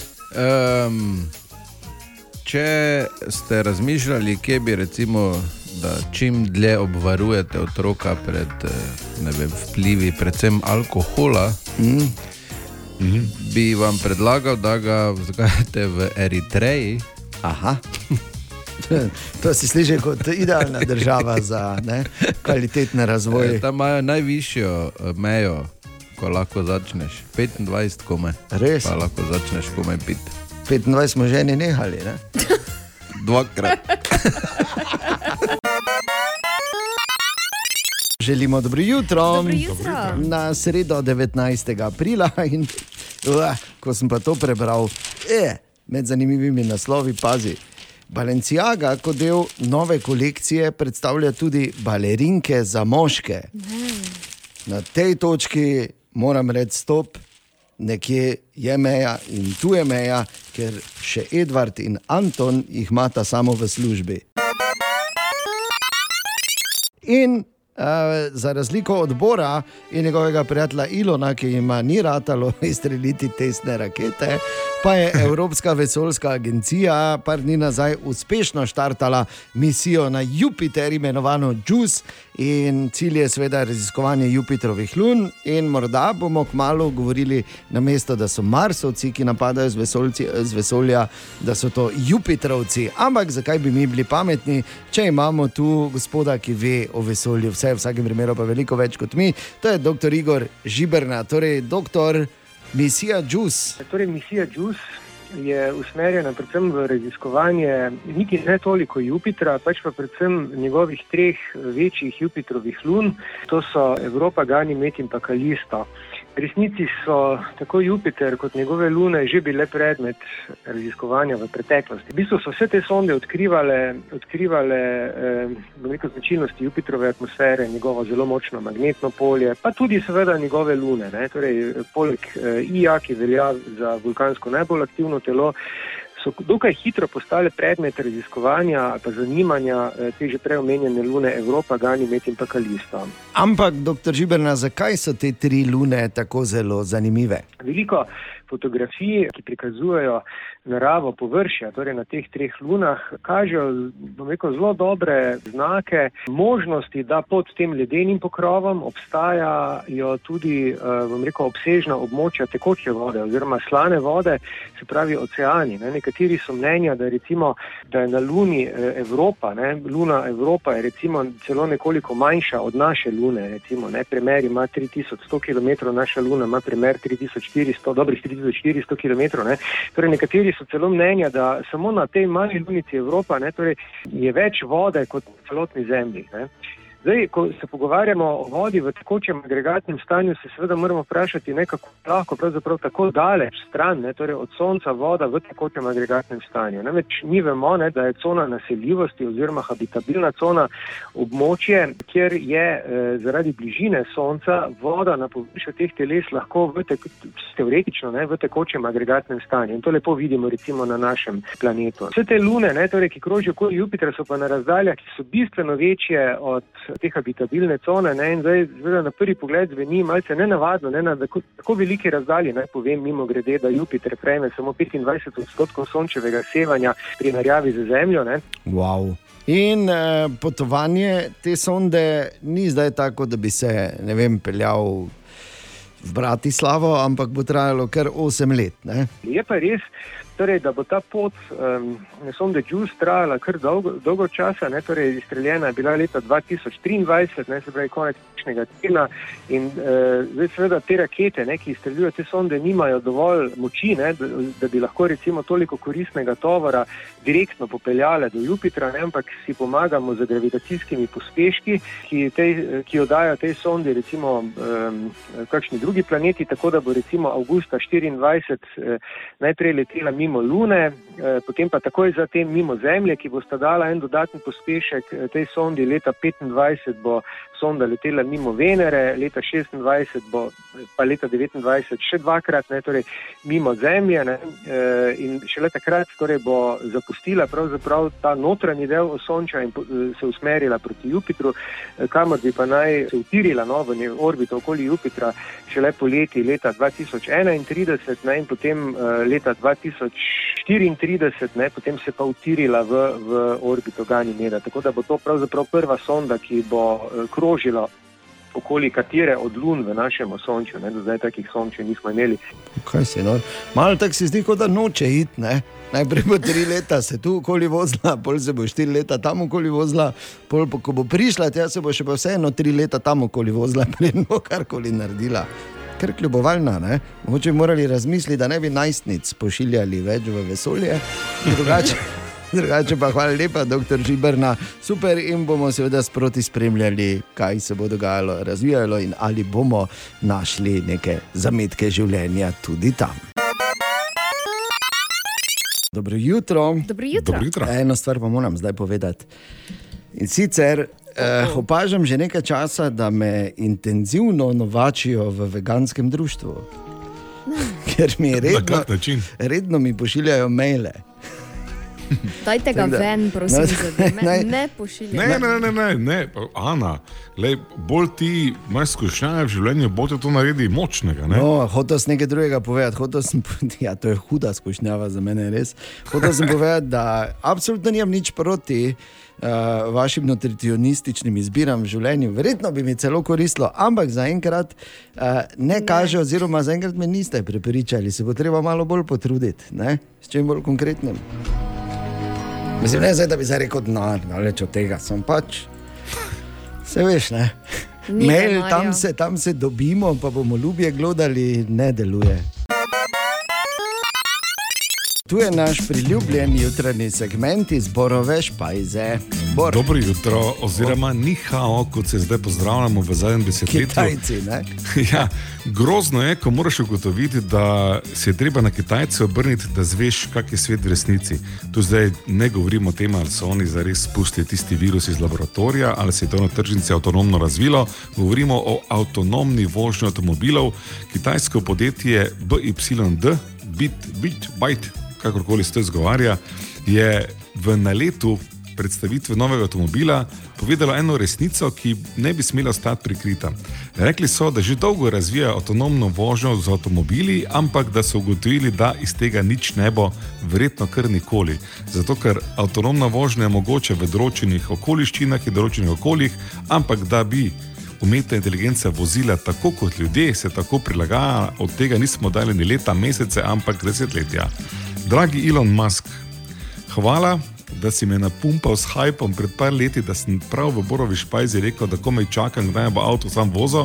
In seveda hvala Kitajcem, da ste me zdaj nalili malo neke čaše realizma tukaj. Ne? Ja, sej, je, ne? Veš kaj, ker tudi tako gledaš, čeprav tudi naše mesto ne, eh, je, ni, ni pa pravi pokazatelj, kakšen butl moraš biti, da lahko voziš. Ne. To moraš iti v Istanbul ali kam drugam. Ne. Malo moraš biti nor, tako da vprašanje, Ja. če je. Ne. Plus, ko si rekel Kitajci, naj samo povem, da. Uh, Sem jaz že začel tudi se pripravljati za vsak primer. Jaz vem, da je sladoled Binžilin in da je uh, moj najljubši in edini, ki ga jem vaniljev sladoled, je ne. Tako da zdaj vem. Vse, kar lahko človek reče, samo bravo, da je. Ja. Še, še. Želimo dobro jutro. Dobro jutro. Ana, kaj bo baje Netflix do, do julija uh, izklopil oziroma prekinil s tem brezplačnim šeranjem gesel? Yep. To nam bo kar problem naredil. Ne? Meni ja, za tebe ne. Ne, mislim, meni ne, ampak eh, bom rekel tako, tem, ki so priklopljeni na mene, pa.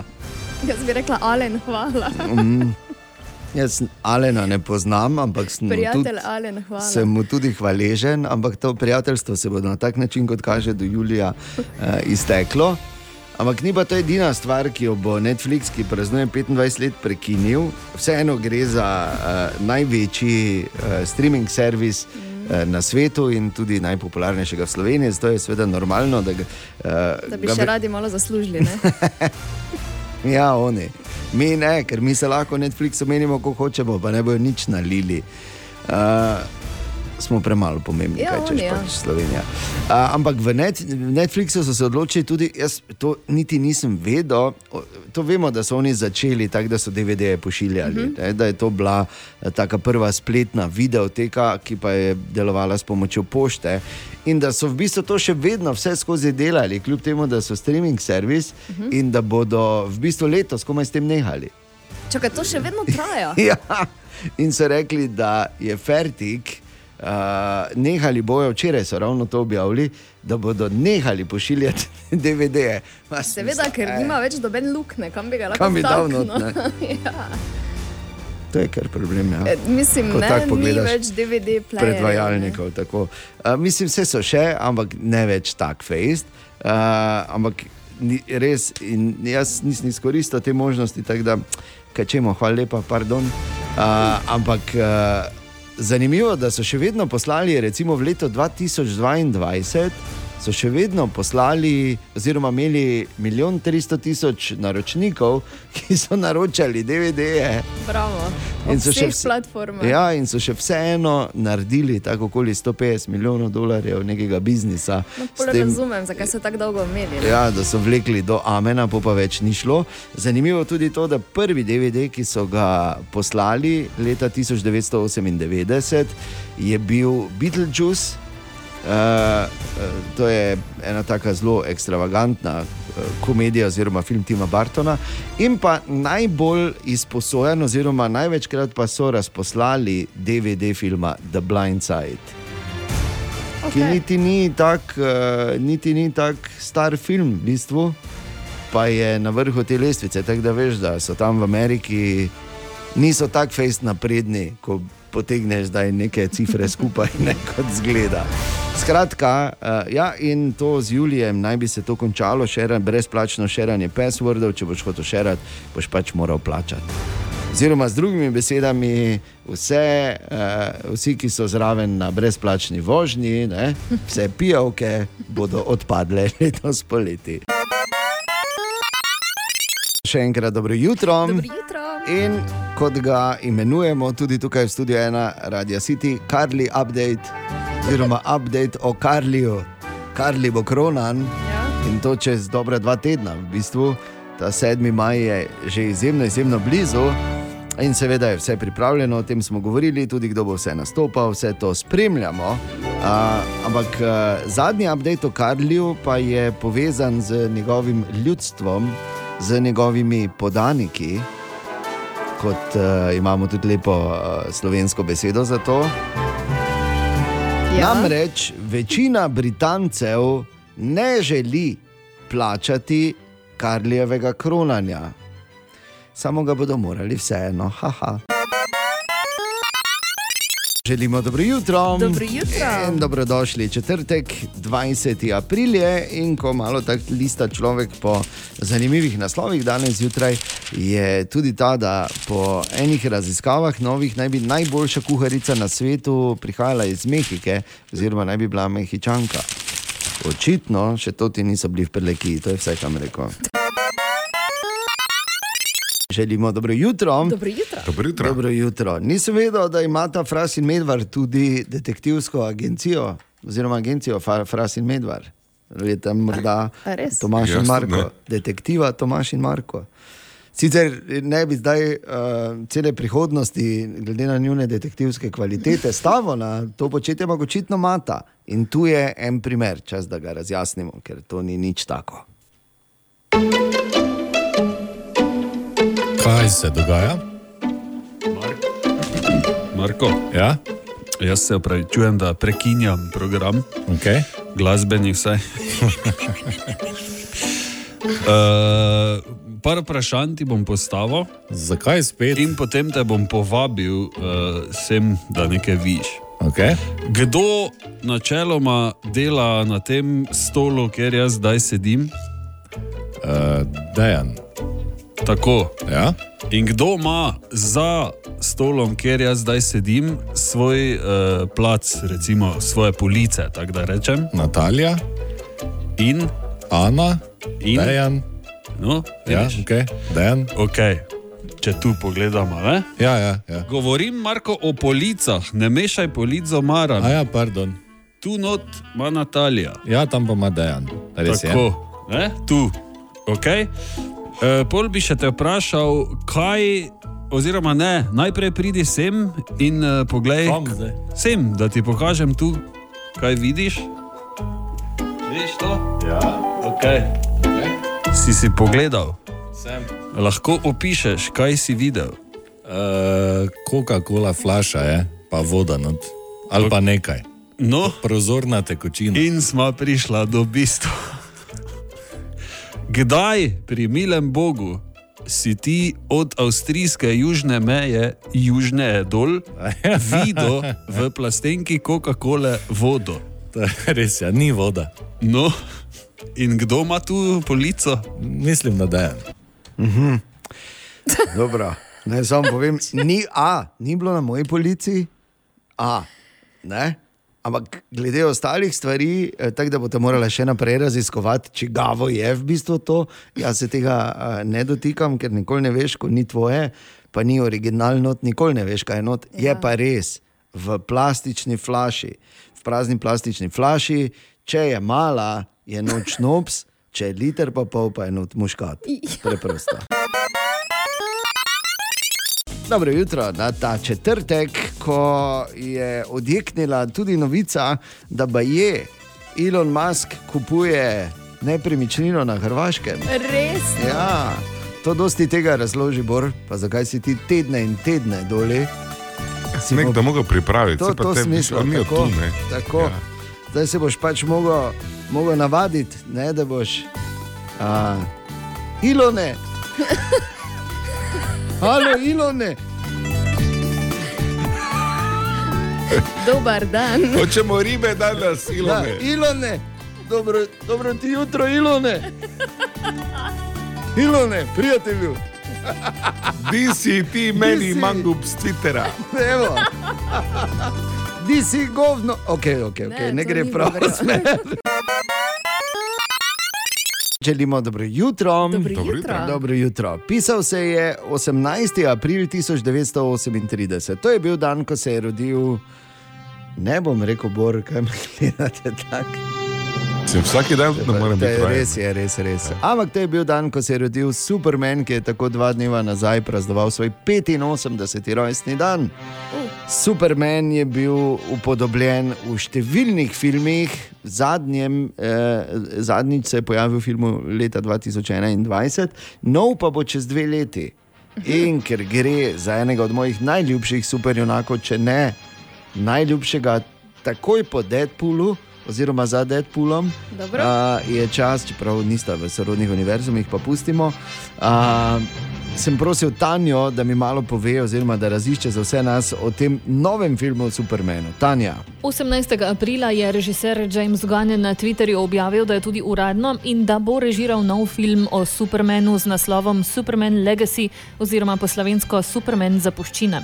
James Gunn je sicer izkušen režiser tovrstnih filmov s podobno tematiko. Režiral je trilogijo Guardians of the Galaxy, Suicide Squad, sodeloval je tudi pri snemanju Marvelovih Avengersov, Infinity War in Endgame. Nov film o Supermanu bodo začeli snemati v letu 2024. No in kar je znanega do sedaj, je to, da tokratna izdaja Supermana ne bo običajna. Šlo bo za zgodbo o tem, kako je Superman uskladil svojo kriptonsko dediščino s človeško vzgojo kot Clark Kent iz Smallvilla v Kansasu. Film bo junaka predstavil kot utelešenje resnice, pravičnosti in ameriškega načina, ki ga vodi človeška dobrota v svetu, ki prijaznost vidi kot staromodno. Z drugimi besedami, bo tokratni Superman bolj kot ne takšen kot tisti, ki se je prvič pojavil v stripih pred 85 leti. Seveda je ob tem prvo in ključno vprašanje vseh oboževalcev franšize Supermana, kdo bo tokrat upodobil tega opevanega superjunaka. V DC studijih imena zaenkrat ne razkrivajo, izdali so le to, da bodo iskali nekoga v 20 letih, saj je namen podpis dolgoročne pogodbe, kot je to denimo leta 2013 naredil Henry Cavill. Pri tem se po različnih spletnih straneh med oboževalci omenja ime Wolfgang Novograc. Mlad igralec, ki sicer odmevne vloge v filmu do sedaj še ni imel, je pa klasični črnolas fant z izklesanim telesom in močno čeljustjo. Izdali pa so datum izdaje filma, to je 11. julij 2025. Ne samo povem, da eh, sta ga seveda šla takoj Ana in Bor googlati, in medtem ko je Bor njegovo sliko prenesel stoično, je Ana naredila uf, uja. Ja. Uf, uja, ja, Vredo, ja, uf, uf. Wolfgang. Je Wolfgang vredno? Ja, verjetno. Ok, lahko je. Tako da, če producenti poslušajo, lahko je Res Wolfgang. ima več ono Sem- čeljust, ima. Potrdilo s ne, glej, teznama. Zdaj so mi še jamice imeli v 80-ih, ne, on pa zdaj tu z nekim. Ne, ampak ena druga stvar je, ne, da iščejo igralca v Ja. 20-ih. Če bi uh, recimo iskali nekoga, ki bi bolj ustrezal dejanski starosti Supermana, torej 85, bi imela pa mi dva šanse, bor. samo zdaj pač nimamo. Ne? Dobro jutro. Dobro jutro. A, evo, zdaj pa ena zgodba o tem, kako veš, da te je dokončno sprejela. To je zgodba, ki se je zgodila nedolgo nazaj in je v bistvu izraz moje hvaležnosti danes zjutraj. Ja, Ana, nastopaš v tej zgodbi. Je pa ne. Ja, nastopaš. Namreč zgodilo se je tako, ne vem koliko je bila ura, recimo 8 pa 20, prevzemimo za potrebe zgodbe, ni bilo prezgodaj zjutraj. Ampak Jaz Ana tak- prisežem, da ne vem, o čem no, govoriš. sej boš se spomnila zdaj. Oj, oj, oj. Uh, Ana tako uh, nekaj pač šarila po svoji torbici, pa je mi reče naenkrat, da zapomni si štiri. Rekel, "E, razumem, veš, kako je, ko pride tezenska komanda, hopala. Smo vsi v pozor. Zapomni si štiri, ok, in je v redu. Za, smatraj, da s- zadevo za rešeno, zapomnil sem si štiri. Zakaj si moram zapomniti štiri? Rekla, pazi, pazi, zakaj sem si mogel zapomniti štiri. Je rekla, ker bom šla potem, ali pa popovdne, si grem kupiti šminko in bom ziger pozabila in te bom klicala, koliko je bila številka, in mi boš ti povedal. Ja, no. In ja, Zakaj so pa prijatelji? Zdaj, pa pravim ti, pravim, ampak tako veš, da si dejansko vstopil v notranji krog, ko postaneš tudi širše uporaben. Tako da, Ana, dolgo smo se trudili, to je bil velik preboj v najnem odnosu. Jaz bi se ti zahvalil uh, za to izkazano zaupanje in ti povedal, da ni noben problem, kadarkoli, ker mi pač spomin za enkrat, če moram potrkati, dobro služi.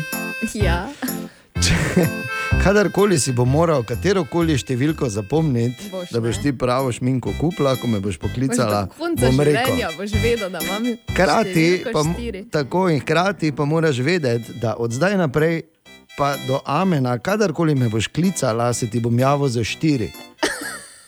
Okay.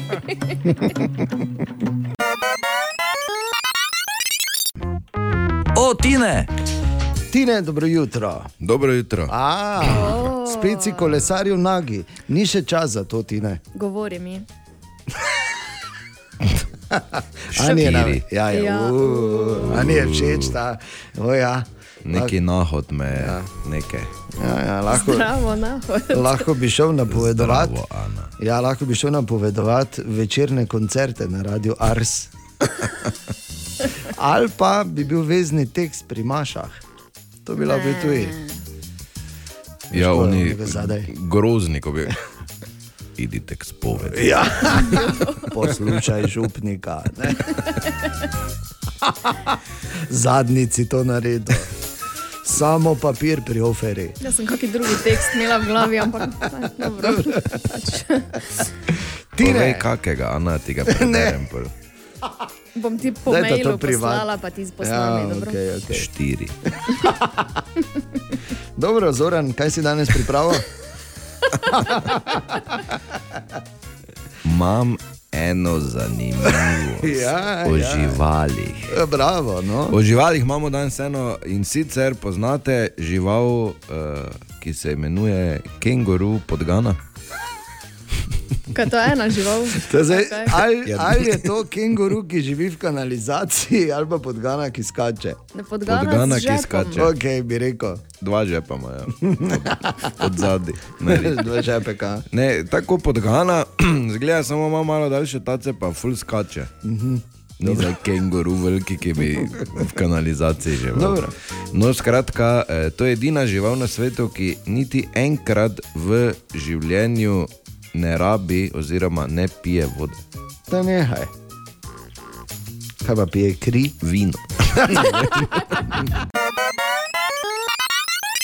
Želimo dobro jutro. Dobro jutro. Ja, danes je četrtek, 20. april, danes bo marihuana marš v Ljubljani. Tradicionalna prireditev na kongresnem trgu v parku Zvezda, kot so zapisali, tam se mobilizira množica podpornikov in, podpornikov in s tem povdari, da javni interes obstaja in da ima ideja veliko družbeno težo. Naj samo povem, naj se ti ne mudi, ker eh, bo tam uh, ob dveh se šele vse začelo. Ne? To je normalno, take prireditve se ne začenjajo zgodaj zjutraj. In bo, traj, bo trajalo predvidno, predvidoma do 22. In še eno zanimivo stvar so zapisali, da bo zborovanje potekalo v mirnem duhu. Ebejži. Narečja so zakon. Ha, kva, koga, kaj? Ma ne razumem. Ja, dobro jutro, Marko Fras, kaj smo na zadnje iskali? Dobro jutro. Bravo. Na zadnje smo iskali narečne verzije te povedi, ker so kokoši skakale čez ograjo in je pristrigel peruti. Sem Martin zelo ovec, pri nas pa pravimo tako. Zato, ko so kire skakale prek plota, in je zrezal perute. Eh, Pozdravljeni, jaz sem Svetlana iz Beltincev, eh, prek Mursko narečje, eh, Markasti govor, mi smo Marki in sicer rekli smo tako, oziroma pravimo tako. Kure so skakale prek plovto, tenin je pozrezal perovte, kako so si rovte boge bili. In še nekaj povedi iz Facebooka, ker so kure frčale čez plot in je porezal krloti, zato ko so kure čez mrižo skakale, jim je fafle po rizu, ker so kure zlafrale čez plot in je poštucal litance, ker so kure skakale čez plot in je postrigo habe, kuram je prškrno krloti, ker so durh marš vyšle prek plota, kure so skokale čez gater, pa jim je včasno peroti, kokavše so prek grake skakale, zato njim je peravte v kraj zrezo. Zato, ko so kure grta čez plot skokale, s njim hobe cel bek porizala. Huh. Okay, eh, hvala za vse te izraze, pardon za izgovorjavo. V tem tednu pa iščemo narečne verzije te povedi. Jej lepo in ne smokaj, oziroma smokaj. Kaj pravite vi trije? Zmerženca, zvač in zvažač. Kak ste temu rekli, oziroma rečete na tezno, Ana? Pa imam nič posebnega, lepo je, pa ne smokaj. Ja, ja. Ja. ja, ja, ja. V redu je, v redu je. Saj Kaj Ne rabiš, ne rabiš povedati, dobro je. Če pa resno. Dovolj, ker sem tesno, da vem, da je bolj bliže tudi dol po žeri, pa če se že Ja. enkrat oglasiš, tam tako sligo. Še enkrat smokno, še enkrat smokno, tam Pa tak za- prek pi. Kako ljudstvo ima ta vidva? Ljudstvo, ljudstvo, ljudstvo, če ti. Ja, kaj? Bolj pleme, ne? Pa, A- ja, ne. Okay, Ne. pardon, pardon. Torej, Marko, kaj si nam, eh, eh, mi- mimo grede, seveda v Mariboru rečemo, če ne šli pojedoti tako vseko. A, drugače pa seveda na družbenih omrežjih in fras in medvar šel, drugače pa na koncu so bili omenjeni neki izrazi iz stare prekmurščine, Marko. Zmerženca je zmrzal, zvač je klicar ali vabitelj, zvažač pa je vlačilec. Mm. Zvač z važačom je zvačil. Ha, koga, ma ne razumem. Narečja so zakon. A sicer pa je ponovno odprtih oči skozi naše mesto šel Jaša Lorenčič. Jaša, zdravo. Zdravo. Nervus. Naše mesto res nikoli ne razočara. Predvsem zato, ker včasih nekaj že samo slučajno vidiš, pa se zaveš, da v mariborskem življenju ne gre za prav in narobe. Tak se je pri mali tržnici, tu blizu glavne železniške postaje, tedni ob zaboju za biološke smeti znašla božično novoletna jelka. Ja, srej aprila. Ok, bila je cela rjava in tako položena je komaj še spominjala na drevo. Ampak vem vsaj še za enega, ki se je globoko v marcu mantral, ko nikak ni dobil dreveščka vun iz podstavka, pa mu je bilo že malo nerodno. Ampak vse jasno, pa nimati kaj biti nerodno, ker nikoli ni prepozno. Ne gre za prav pa narobe. Ker tako mesto pač smo, edinstveno. Ni je stvari, ki je ne bi na glas razlagali. Ziger ste že kdaj ujeli koga, ki ima prostoročno telefoniranje, pune na glas, avto pa parkiran med bloki. In se vse čuje von, mislim, čisto vse. Ali pa kaj se vse pove, kot smo že parkrat rekli, na razno raznih šalterjih. Zadnjič eni gospe Face singla telefon, vsi smo živčni, gužva, ona ta telefon išče, pa se za povrh še javi. O, veš, nisem se mogla včeraj javiti, ker sem bila na pogrebu, oni sosedo, ta pa ta, vse si ga poznal. Face je bil bolan, te pa ni več zdržal, pa se je beg spravo. Ja, tiste dolge cigarete bi imela, ja, ja, te ja. Zato je Maribor taki, kot je. Ne skrivamo, ne cincamo, ne celofanimo. Ponosni smo, da smo, kaki smo. Tako kot je bil očitno oni, ki je na razglednem stolpu na plačkem vrhu na orientacijsko tablo, kjer so vrisani daljni vrhovi pa kraji, na veliko in debelo gor napisal: Kamnica. Naj se ve, ne? Ja, samo Mariboru. Oziroma v kamnici. Ne? Včasih so delali tudi filme, v katerih eh, so se vampiri svetli. Se spomniš? Je. Ja. Twilight. Ne? Ja. Uh, jaz še vedno nikoli ne bom priznal, to je kot uh, pač ljubitelj, uh, bom rekel, tak tematike. Uh, ne morem priznati, da, da je to neki resen vampirski film. Ne?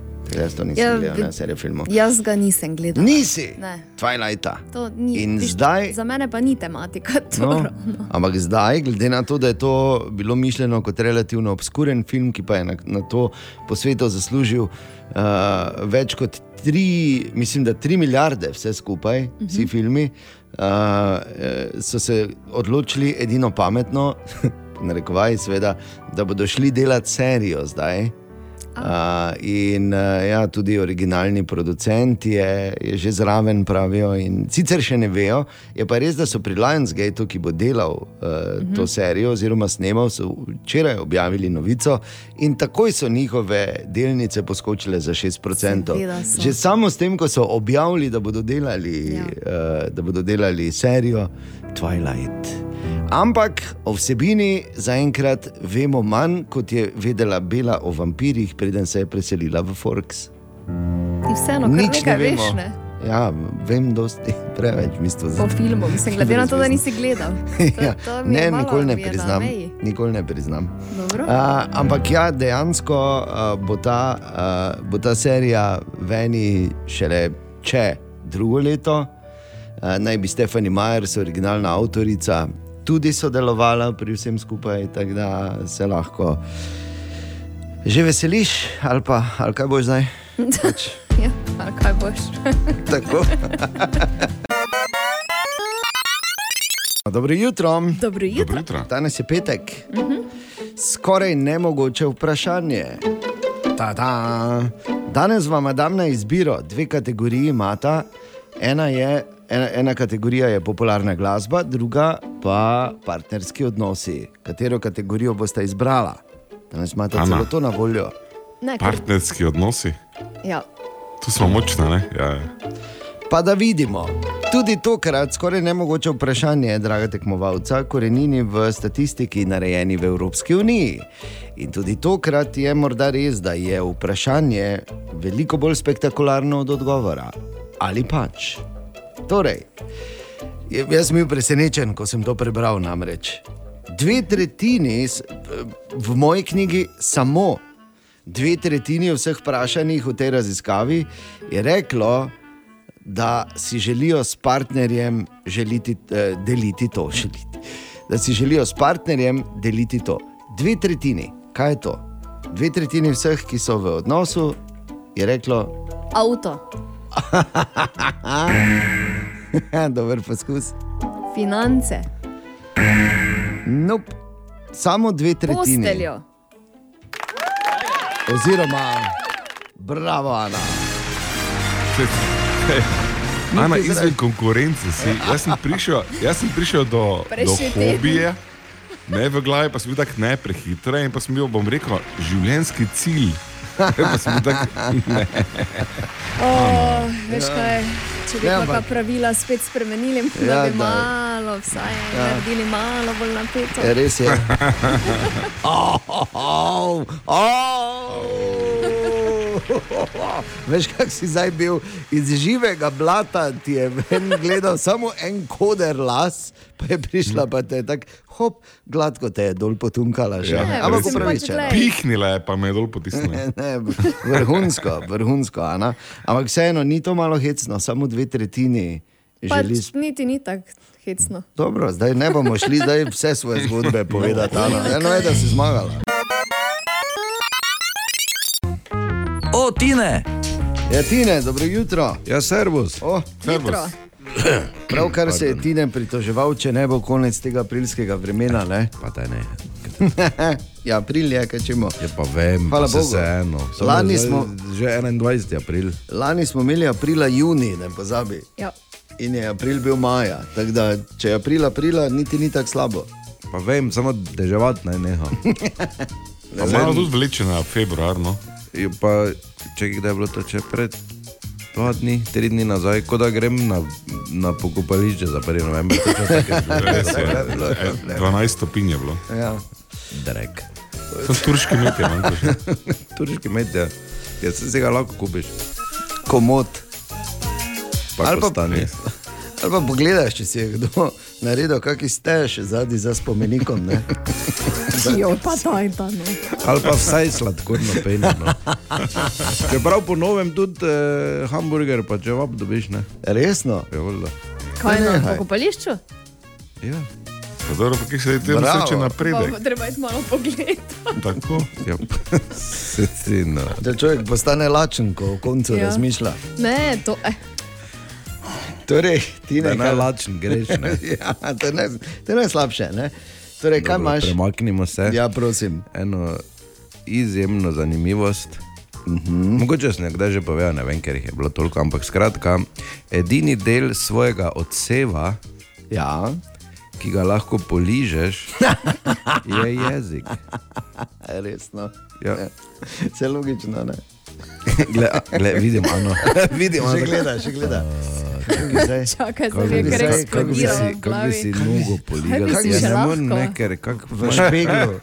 Ker Kako Kako zraven priježe jezik, ne? Ja, ja, Vidiš, ker- ja. Ja, Roko, ja, pa, Eh, ne moreš, ne moreš. Vse, kar lahko Jaz veš. bom dokazala, da greš, Ne, ker ja, drugega polizati. kak? Če je vem. špegel. Špegl. Glej, bom Ja. dokazala. Dobro. Bom naredila Snemaj se, eksperiment. prosim, lepo snimaj se. Ja, da Ne boš prosim. Ti. Kak Vse špegl posnem. ližem, ne? Res, to je vse, kar sta rabila v svojem življenju. Ja, se v vsakem Ja, če si primeru- rekla, da ne, boš dokazala nasprotno, ne moreš Ja. ja. nasprotno, kako boš. Ne obstaja. Ne, dobro verjamem ti. Ne bom. Ne, pa ne proba, kaj sta taka. res je. Ne, zdaj si že vidiš, rekla, pa ja, pa še probaj. bor zraven. Tako, ne, imaš prav, uh, Ana, edino, kar lahko ob eh, jeziku v svojem odsevu poližeš, je stari znak od time.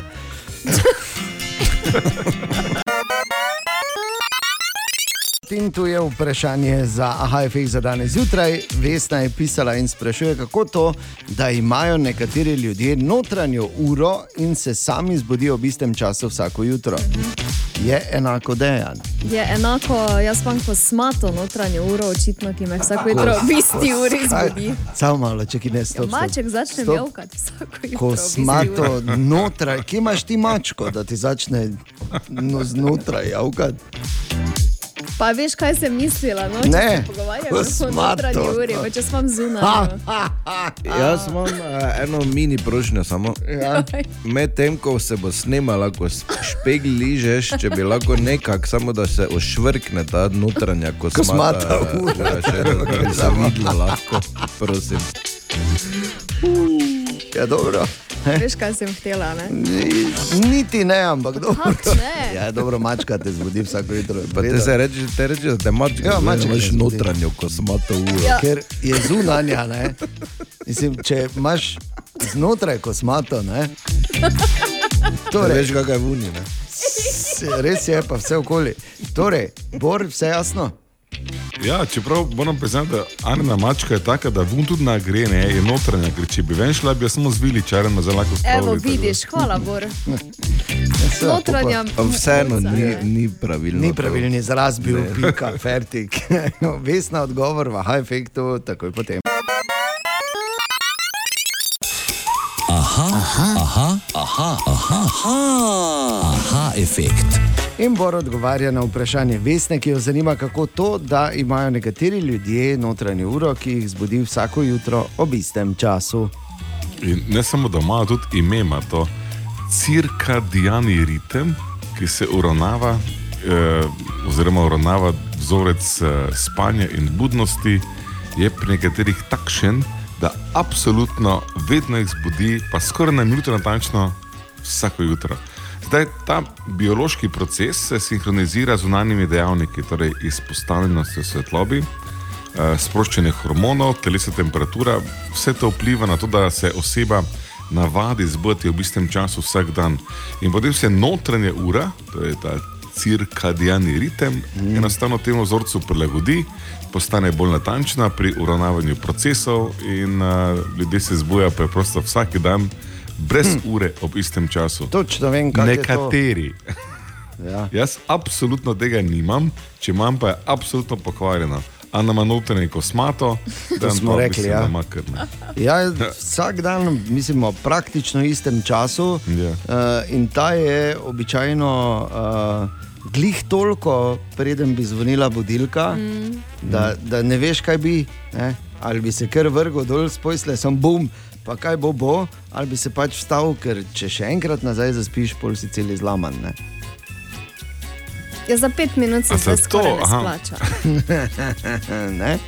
Tako da to smisla reči, ne samo tako, da če imaš to vsaka čast, vemo, kak je, če pa ne, pa imaš velik problem, ne bor.